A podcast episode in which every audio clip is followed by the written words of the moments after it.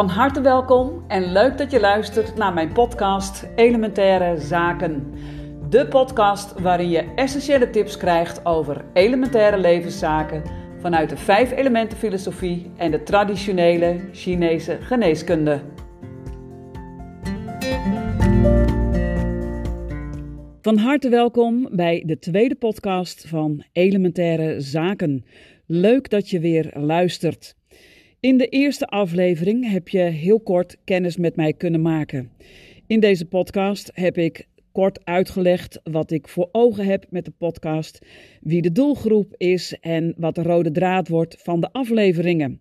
Vandaag neem ik je mee in een persoonlijke reis, een stukje van mijn leven wat heel erg bepalend is geweest en uh, waarin ik je dus vertel wat ik heb gedaan om in mijn element te zijn met wie ik nu ben. Want, lieve mensen, dat is toch echt de rode draad eigenlijk van ons allemaal in ons persoonlijke leven. Iedereen wil zich goed voelen. Iedereen wil zich uh, gezond voelen, fit, sterk, stabiel, emotioneel sterk en stabiel. Maar ook willen we allemaal gewoon onszelf zijn.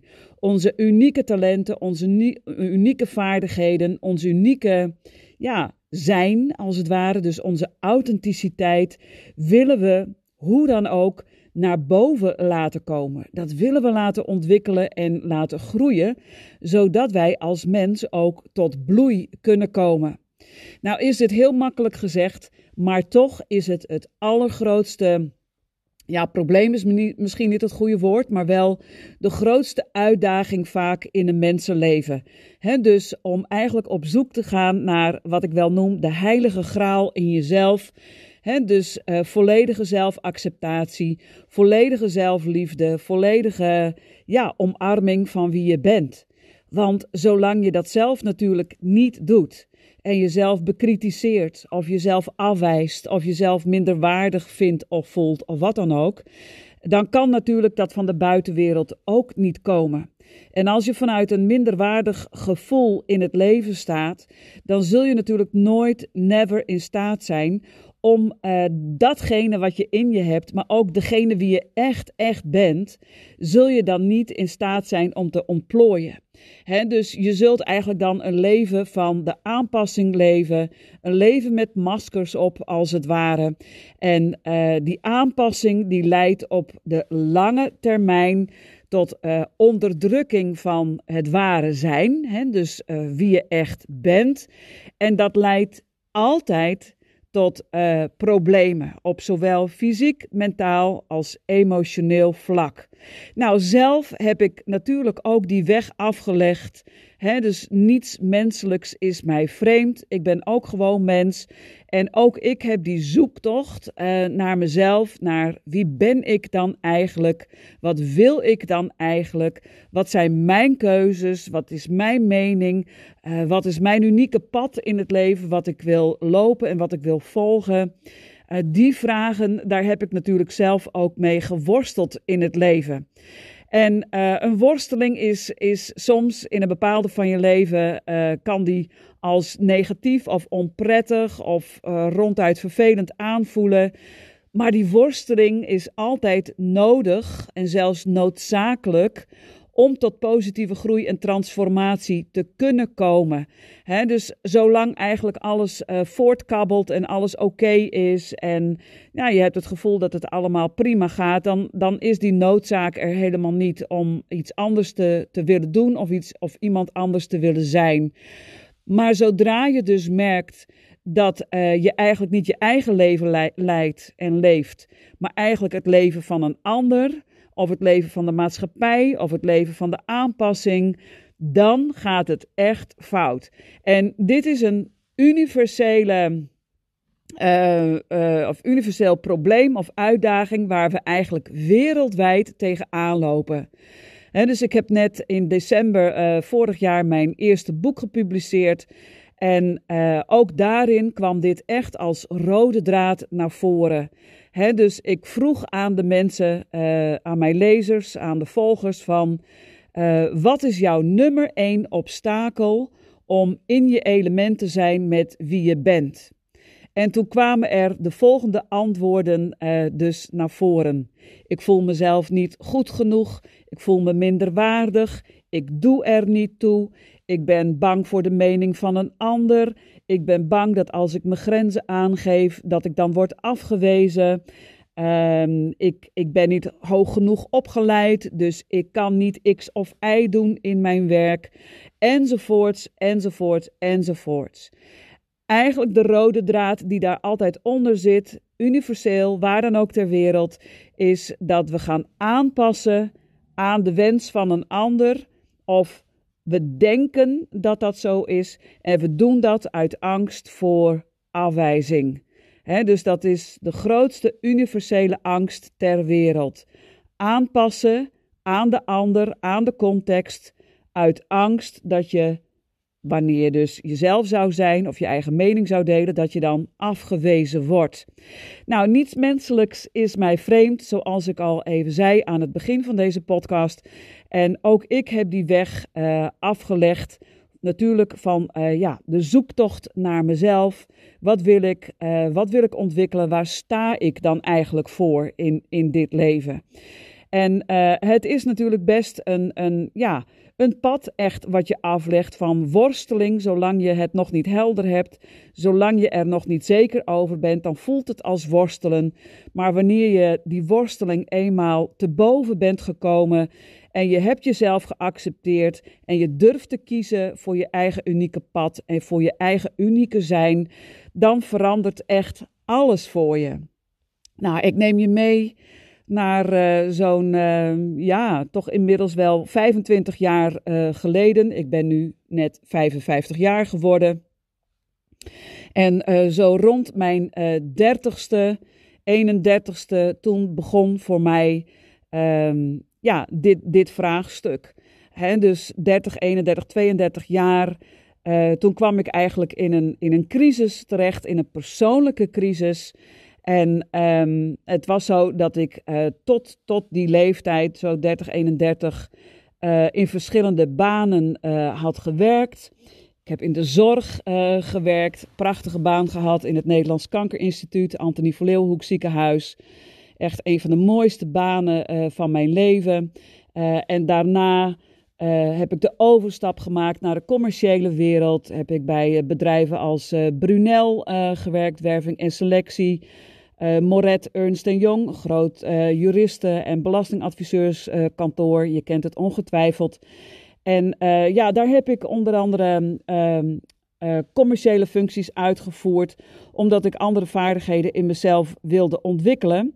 Alleen um, de ware reden van die switches van banen was dat ik zocht naar iets uh, wat buiten mij lag. Dus ik dacht tot aan dus dat kantelpunt van als ik maar uh, die baan heb met uh, dat inkomen, dan heb ik ook een bepaald aanzien. Dan hoor ik erbij, dan zit ik op een bepaald niveau dan kan ik me identificeren met iets. Hè? Dus ik ontleende heel erg mijn eigen waarde aan het werk wat ik deed en, en um, uh, hoeveel ik daarvoor betaald kreeg, wat er allemaal extra's nog bij zat. En um, ja, dat, gaf, dat, gaf, dat dacht ik dat mij dat de voldoening uh, zou geven. He, dus dat dat een leegte in mezelf zou opvullen. Namelijk uh, de leegte die ik in mezelf voelde was van ik ben niet goed genoeg. Ik moet nog meer leren, ik moet nog meer studeren. Ik, ik moet mezelf opwerken hoger op. En dan pas zal ik zijn wie ik echt ben. Nou, ik heb al die, al die treden gelopen, om het maar zo te zeggen. En uiteindelijk, na een aantal jaren in die functies te hebben gezeten, kwam ik erachter dat dat het natuurlijk totaal niet was. Dus geen enkele functie, geen enkele geldelijke waardering, uh, geen auto, geen telefoon, geen bonus, geen dertiende maand, geen niks wat, wat eigenlijk in geld uh, uitgedrukt werd of in geldelijke waardering um, kon wegnemen wat ik van binnen voelde. En um, ook geen enkel diploma aan de muur. Hè? Want ik heb in die tijd uh, best heel veel trainingen gevolgd, opleidingen gevolgd, me opgewerkt in de zin van, ja, dan, dan, dan stel ik iets voor, dan ben ik dus iemand. Maar dat gevoel van ik ben iemand, ik mag er zijn, uh, ik ben goed zoals ik ben, dat wordt natuurlijk door geen enkel diploma gegarandeerd. je kunt honderdduizend diploma's aan de muur hebben hangen, maar je kunt nog steeds diep van binnen niet overtuigd zijn van je eigen capaciteiten of uh, wie je werkelijk bent. En uh, toen ik tot dat inzicht uh, kwam, toen was ik best al wel ver heen, om het maar zo te noemen. Ik zat nog net niet in een burn-out, maar ik was er hard op weg naartoe. En ehm, ik weet nog heel goed dat ik op een dag opstond. En dat ik naar mijn werk moest. Onze dochter, de oudste, Lieke, die was toen net geboren, was een babytje. En de, de functie die ik toen had, moest ik toch ongeveer een uur in de auto. En zij moest mee uh, naar de crash die in diezelfde plaats was waar ik toen werkte. En in die, in die baan um, had ik geen, hoe noem je dat, geen ruimte voor flexibiliteit. Ik moest om acht uur beginnen, achter mijn bureau zitten. En dat betekende dat we iedere dag dus uh, om zes uur eigenlijk op moesten staan. Nou, de ochtendrituelen door moesten werken natuurlijk. Hè? Dus uh, zelf douchen, je baby aankleden, mee in de auto, uh, tassen vol met de pakketjes klaarmaken enzovoorts. In de auto, in de file, in de stress. je kind op tijd op de crash brengen en dan in één keer door naar je baan. Nou, dat heb ik negen maanden volgehouden en na negen maanden was het toppunt bereikt. Ik hield dat niet vol. Het was een combinatie natuurlijk van uh, dingen, hè, dus een optelsom van uh, reistijd, stress, file, al die dingen, de praktische dingen. En daar natuurlijk aan toegevoegd het het ondanks uh, het feit dat ik een, een, een goede, leuke baan had, ook goed betaald, dat ik daar totaal niet de voldoening en de waardering uithaalde die ik zo uh, broodnodig had.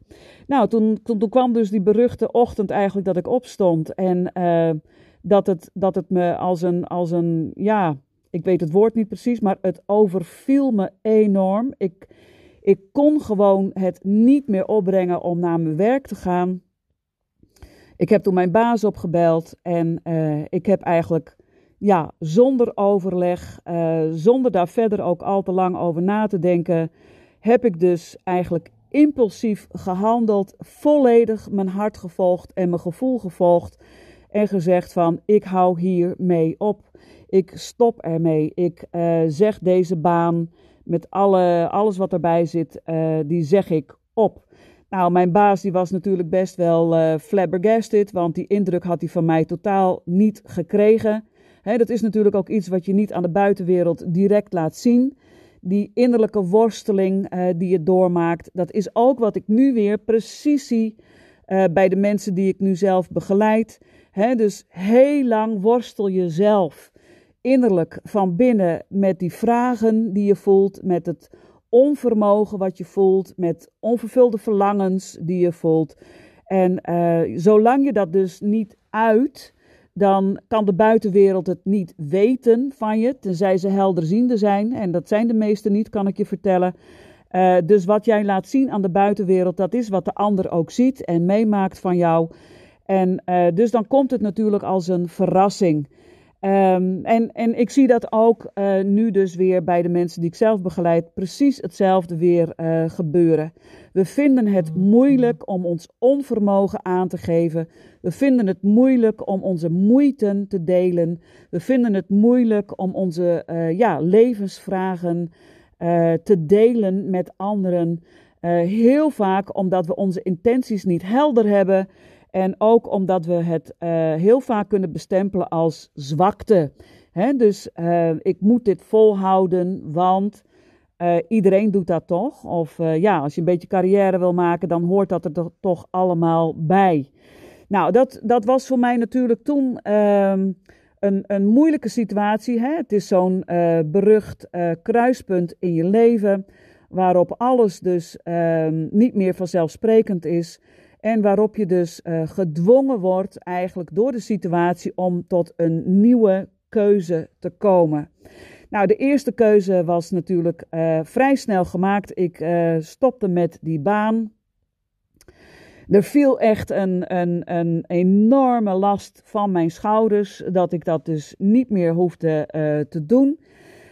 En toen kwam natuurlijk een periode, uh, kwam eigenlijk, uh, kwam er een soort van leegte. Want als je iets loslaat en alle verplichtingen op dat vlak vallen weg, dan word je dus helemaal op jezelf teruggeworpen dus ik heb toen destijds niet meteen het besluit gemaakt om weer een andere nieuwe baan te zoeken. Maar ik heb toen besloten om een periode van rust in te lassen. Een periode van reflectie.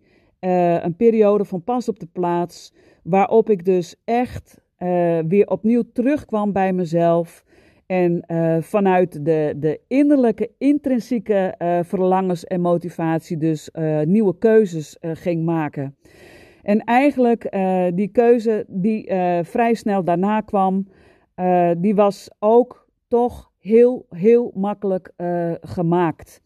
Toen ik dus thuis kwam te zitten in een, in een bijna burn-out, ik was wel echt zwaar overspannen op dat moment. toen kwam ik bij de huisarts terecht. En die huisarts die heeft mij destijds gewoon zo ontzettend goed begeleid en teruggeworpen op mezelf. Hij zei, Jits, hij zegt, het wordt tijd dat je weer naar jezelf gaat luisteren. Dat je niet meer je, je, je identiteit en wie je bent ontleent aan de buitenwereld. En dat je daar dus zoveel concessies aan doet aan wie je bent. Maar dat je terugkomt bij jezelf dat je uh, opnieuw gaat voelen: wie ben ik, wat wil ik, wat is mijn leven, wat zijn mijn keuzes en wat hoort daar dan bij. En hij verwees me toen door naar haptonomie. En haptonomie is een, is een uh, therapievorm waarbij je dus weer terug contact maakt met je eigen lichaam, met je eigen gevoelens. En ehm, ja, eigenlijk weer opnieuw je eigen intuïtie, je eigen hart, uh, je eigen lichamelijke gewaarwordingen weer opnieuw leert verstaan. En vanuit dat innerlijke gevoel, die innerlijke stem en die innerlijke wijsheid opnieuw je leven durft te gaan vormgeven. Nou, dat is best wel um, een hele stap, hè? want hele andere keuzes maken uh, dat is natuurlijk naar de buitenwereld toe een, een totale verandering. Mensen zijn dat niet van je gewend. Dus op het moment dat je zo'n andere keuze gaat maken, uh, dan, dan moet je natuurlijk extra sterk en stevig in je schoenen staan, omdat de buitenwereld uh, gaat proberen jou daarvan af te houden. Niet iedereen natuurlijk, maar er zijn heel veel mensen die je dan ontmoet op je pad en um, die gaan zeggen tegen je van, wat ga jij nou doen? En je, je, zet je goede baan op het spel, je inkomen, je winst, uitkering, je dertiende maand, je bonussen, je pensioen. Je gooit alles overboord. En toen zei ik, ja, er is geen, geen, geen winstuitkering die mij kan geven wat ik zoek en wat ik mis. En uh, al het geld van de wereld kan dat niet, um, kan, kan dat gewoon niet uh, voor elkaar krijgen wat ik nodig heb. En, uh, maar goed, het, het gaat er natuurlijk om dat je dan merkt van mensen gaan zich eigenlijk van je afkeren. Mensen gaan in opstand komen, gaan, gaan zelfs zeggen van je bent egoïstisch, je waardeert niet wat je hebt. Um, je wilt altijd maar meer of anders. En ondanks het feit dat dat gewoon moeilijk is om aan te horen van die mensen, want lange tijd dacht ik van, oh, dat zijn mijn vrienden, maar dat zijn dus niet je vrienden. Dus we zeggen wel in tijden van oorlog, in tijden van nood, dan leert men uh, je ware vrienden kennen. Nou, dat is wel uh, op bepaalde vlakken een soort slagpartij uh, geworden, kan ik je vertellen. Want er zijn velen verdwenen uit het netwerk van wat ik had dus tot die tijd. En eigenlijk het, het, het paradoxale daarvan is dat um, heel veel mensen die keuze wilden maken die ik destijds maakte. Dus heel veel mensen zitten in een verkeerde relatie of in een verkeerde job. Of uh, ja, worstelen met zichzelf of met familieleden. Of nou ja, je kunt daar zelf heel veel bij bedenken natuurlijk wat er allemaal kan gebeuren in je leven. En uh, dan heb je natuurlijk altijd de keuze van ga ik daarmee door en blijf ik doen wat ik altijd deed, met het gevolg dat ik daar diep ongelukkig van word, dat ik altijd maar concessies doe en dat ik dus mijn eigen levensgeluk eigenlijk onderuit haal. Of zeg je van nee, het roer moet om, ik ga een andere keuze maken. Uh, met het gevolg dat ik wellicht uh, vrienden, familie zelfs uh, daarbij kwijt ga raken. Maar wat is dan het belangrijkste? Hè? Dus de concessie doen en, en jezelf ongelukkig voelen, maar wel de ander tevreden houden. Of je kiest echt voor jezelf, je eigen levensgeluk. En je accepteert dat er dan mensen van af gaan vallen. Nou, ik heb voor dat laatste gekozen, dus ik heb ook geaccepteerd dat er mensen uit mijn uh, vriendenkring uh, weggevallen zijn. Gelukkig, uh, godzijdank, niet uit mijn familie. Die hebben dat gewoon allemaal volledig omarmd. En, maar vrienden ben ik inderdaad kwijtgeraakt. Er was destijds iemand die zei van... je waardeert niet wat je hebt, je wilt altijd maar meer. En ja, als je dat zegt, dan begrijp je dus echt niet wat er gaande was. Want het ging helemaal niet om meer. Uh, Integendeel, ik liet juist alles los wat ik had. Hè? Dus vooral geld, uh, vooral uh, materie. Hè? Dat heb ik juist allemaal losgelaten. Al die zekerheden heb ik losgelaten. Ik ben volledig teruggekeerd in mezelf. En compleet vanaf nul, vanuit het niets weer begonnen met iets nieuws. En daarvoor moet je natuurlijk uh, een enorme kracht in jezelf aanboren om A, dat besluit te nemen. Daar is heel veel moed voor nodig, daar is heel veel lef voor nodig. En dan, als je die keuze gemaakt hebt, dan is het natuurlijk nodig om opnieuw je leven in te richten en nieuwe keuzes te maken en er weer iets van te maken. Maar ik kan het iedereen echt aanraden. Hè? Dus uh, zo'n heel bepalend kruispunt in je leven, dat komt er niet voor niets. En um, wanneer je dus voor jezelf ook voelt van ik leid het leven van de aanpassing. Ik doe veel te veel concessies voor de buitenwereld. Ik zeg altijd ja terwijl ik nee voel. Dat soort dingen. Um, alsjeblieft, hè, uh, maak dan ook voor jezelf die keuze van waarom doe ik dit? En uh, wat, wat weerhoudt mij dan, wat belemmert mij dan om de keuze van mijn hart te maken? En ik kan je vertellen dat hoe moeilijk het ook voelt, dat wanneer je die keuze van je hart volgt en maakt, dat je dus de natuurlijke kracht aangereikt krijgt om dat nieuwe pad te volgen. En dan neem ik je nog even een stukje mee op, op mijn verdere reis. Want toen ik bij de huisarts vandaan kwam en uh, de keuze maakte om naar haptonomie uh, te gaan, toen, uh, toen viel eigenlijk direct eigenlijk bij de eerste sessie al het kwartje dat ik voelde van ja, dit is mijn pad, dit is echt waarvoor ik bestemd ben. Dus om ehm, eerst natuurlijk zelf mezelf helemaal terug te vinden, maar om vervolgens daarna anderen te gaan helpen uh, via het lijf, via bewustwording, uh, om dus tot nieuwe, essentiële, elementaire keuzes te komen in hun eigen leven, zodat ze echt het mooiste ja, eruit gaan halen en hun mooiste leven gaan leven wat ze hier op aarde uh, te leven hebben. En dat is echt oprecht mijn, mijn grote missie en mijn grote passie geworden om mensen daarbij te helpen. He, dus eigenlijk kort gezegd om mensen te helpen helemaal zichzelf te zijn, zodat ze zich in hun element voelen. Dat is belangrijk. En als je in je element voelt, dan is er een hele gezonde, stabiele basis om uh, ja, de vaardigheden, de talenten, de mogelijkheden die je hebt gekregen van moeder natuur of God of uh, Allah of het universum, hoe je het maar wil noemen, dat je die, uh, die uniciteit die alleen jij in je hebt, dat je die dus in staat bent om te ontwikkelen en te laten groeien en uiteindelijk tot bloei te komen. Want, lieve mensen, dat is uiteindelijk waarvoor we hier bestemd zijn. Dus je hebt niet voor niets bepaalde talenten of capaciteiten uh, gekregen van Moeder Natuur. Het is je doel, het is je, je morele opdracht om uh, die talenten en die vaardigheden ook echt te laten uh, groeien en te ontwikkelen en voluit te leven. Het is niet bedoeld dat dat onder de grond blijft zitten, om het maar zo te zeggen. Dus als ik dat in een metafoor uitzet naar de elementen in de natuur, water, hout, vuur, aarde en metaal, dan is het natuurlijk zo dat als we een, een, een zaadje hebben, het is nu voorjaar, en uh, we willen straks weer een mooie, vrolijke, geurende bloementuin uh, hè, in de borders of in de potten. Dan ga je straks eerst de grond bewerken. Hè, dus de aarde, het aarde-element, dat moet bemest worden. Dan ga je alle uh, ongerechtigheden uithalen. Het oude van het vorige jaar, dat haal je weg, zodat er een goede bemeste grond is.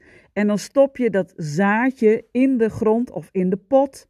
En dan ga je vervolgens dat zaadje water geven.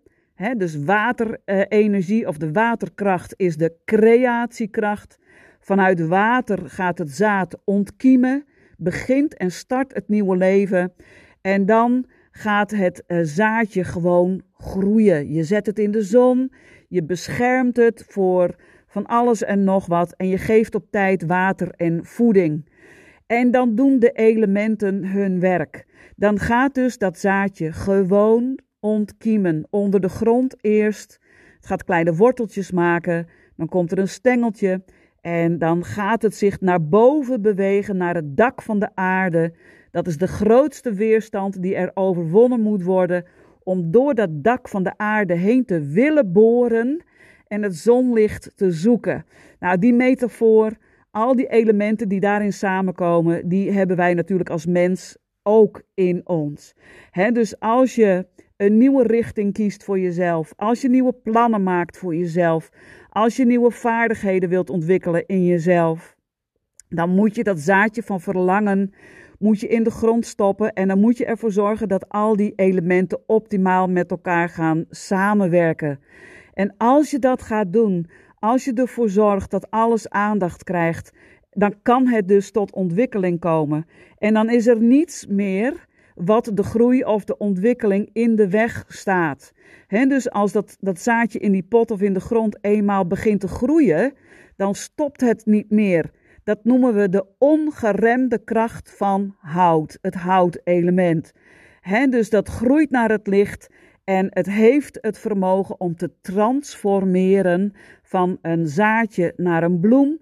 En het heeft ook nog eens het vermogen om uh, uiterst veerkrachtig te zijn en mee te bewegen met alles wat er in zijn omgeving staat. Dus hout groeit om en over en onder alle obstakels door, want het zoekt altijd het licht. Dat is een natuurwet. En die natuurwet die geldt ook voor jou als mens. dus wanneer jij kiest voor jouw uniciteit, voor jouw unieke vaardigheden, voor jouw unieke talenten, je gelooft erin, je stapt er voor de duizend procent in, dan kan het niet misgaan. Het betekent niet dat het automatisch gaat gebeuren. Het betekent natuurlijk dat je dat handen en voeten moet geven, dat je er actief aan moet werken, dat je, om het maar bij de metaforen uh, te houden, dat je het water moet geven, dat je het op tijd moet bemesten, dat je het uit de wind moet houden, dat je de obstakels moet nemen. Dat is het pad wat je te gaan hebt. Maar als je vanuit die intrinsieke innerlijke motivatie werkt, vanuit je eigen uh, authenticiteit, dan uh, ligt jouw unieke pad helemaal voor je open. Nou, ik heb dat pad gevolgd. Ik heb de keuze gemaakt nadat ik bij de haptonomie terecht was gekomen, dat ik uh, me zou gaan richten op lichaamswerk en begeleiding van andere mensen. Ik heb toen direct gekozen om uh, dus de klassieke shiatsu-therapie opleiding te gaan volgen. Vier jaar ging ik weer aan de studie. Daarna nog eens een aantal jaren in, in tal van bijscholingen en, en aanverwante studies en, en andere dingen. Uh, natuurlijk uh, de medische basiskennis, de psychosociale basiskennis. Uh, alles om dus um, ja, een nieuw vak te leren, maar vooral om dus mijn innerlijke pad en mijn hart te volgen. Nou, inmiddels zijn we twintig jaar later en uh, heb ik een succesvolle praktijk opgebouwd. Uh, ik geef dus die één op één begeleidingstrajecten aan mensen die hetzelfde pad lopen als wat ik heb gedaan in het verleden. En vanuit mijn eigen kennis en ervaring kan ik ze dus heel goed begeleiden. Nou, daarnaast de trainingen, natuurlijk de groepstrainingen, waarin ik dit gedachtengoed, uh, dus in je element zijn met wie je bent en daar de keuzes bij maken. Uh, dat is de rode draad van al mijn trainingen. En dan natuurlijk dat allemaal belicht en vormgegeven vanuit de traditionele Chinese geneeskunde en de vijf elementen filosofie. Nou, lieve mensen, dit is in, in het kort eigenlijk uh, een stukje historie van wie ik ben.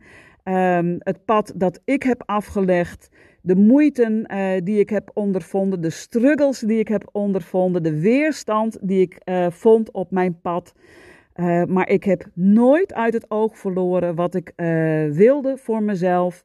Wat ik, gaan, wil, wat ik wilde gaan neerzetten voor mezelf. En, en niet alleen voor mezelf maar het diepe innerlijke geloof dat ik echt bestemd ben. En dat, het voelt als een roeping, het voelt als een missie. Ik zeg wel eens eigenlijk zoals een, een predikant op de kansel staat en, en zijn schapen wil winnen uh, voor, voor God.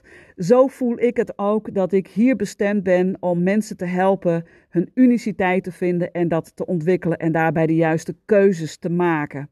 Ik zet mijn volledige inzet daarvoor in uh, om mensen daarin uh, dus te mogen begeleiden. En ik kan je vertellen, dat is zo ontzettend, um, ja, hoe zeg je dat? Zingevend, belonend, voldoeninggevend.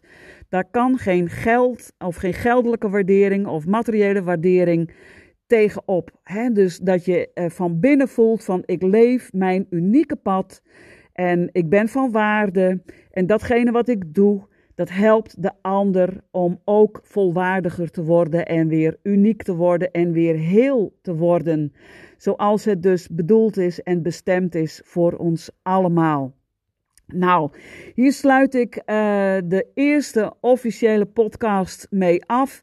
Mijn eigen pad, wat ik heb gelopen. Uh, de keuze die ik daarin heb gemaakt om het roer om te gooien. En uh, de prachtige beloning eigenlijk die, die ik daarvoor dus heb ontvangen. Hè, dus um, je hart volgen, daar gehoor aan geven, is uiteindelijk, zijn uiteindelijk de ingrediënten voor uh, geluk, voor uh, levensgeluk.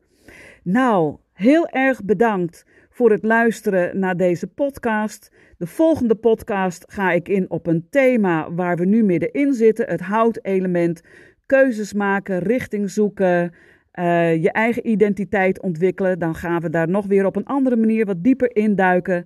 En uh, als het uh, zo is dat je vragen hebt over deze podcast, over mijn eigen reis, of als je daar iets in herkent bij jezelf, stel je vragen via de e-mail jitske.jitskedijkstra.nl en dan ga ik jou natuurlijk van harte antwoord geven op jouw vraag.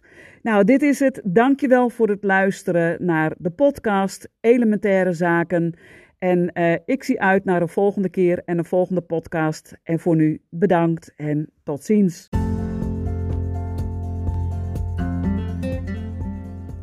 Dankjewel voor het luisteren naar de podcast Elementaire Zaken. Als jij vragen hebt over de inhoud van deze podcast dan kun je e-mailen met mij op jitske.jitskedijkstra.nl. Ik zal jouw vragen dan natuurlijk uh, in uh, behandeling nemen en jou daar een reactie op teruggeven. Als ik jou enthousiast heb gemaakt met mijn podcast, zou je dan voor mij een review willen achterlaten hier op iTunes of op um, Spotify? Je kunt dat doen door een aantal sterren aan te klikken en of ook een regeltje tekst erbij te typen. Alvast van harte dank daarvoor. Tot slot, dank voor het luisteren en heel graag tot de volgende podcast. Dag!